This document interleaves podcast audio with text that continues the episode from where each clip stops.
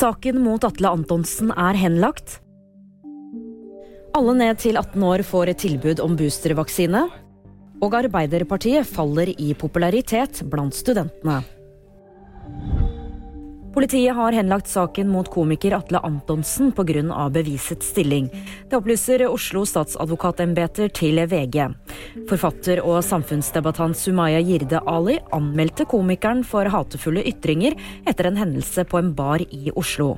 Komikeren skal ifølge Ali bl.a. ha sagt at hun var for mørkhudet til å være der. Nå åpnes det for at alle som er over 18 år kan få en fjerde vaksinedose. Ved å gi tilbud om vaksine til flere, så er vi bedre forberedt om smittesituasjonen skulle forverre seg fremover.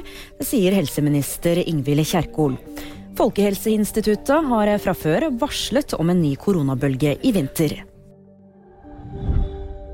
Arbeiderpartiet gjør sin dårligste måling noensinne blant studenter.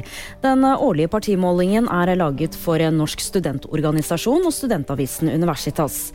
Her faller Ap fra 24,5% oppslutning i fjor til 15,9% i år. Samtidig går Høyre fra 10,4 til 21,4% og er dermed det største partiet blant studentene. Det var VG nyheter, og de fikk du av meg, Julie Tran.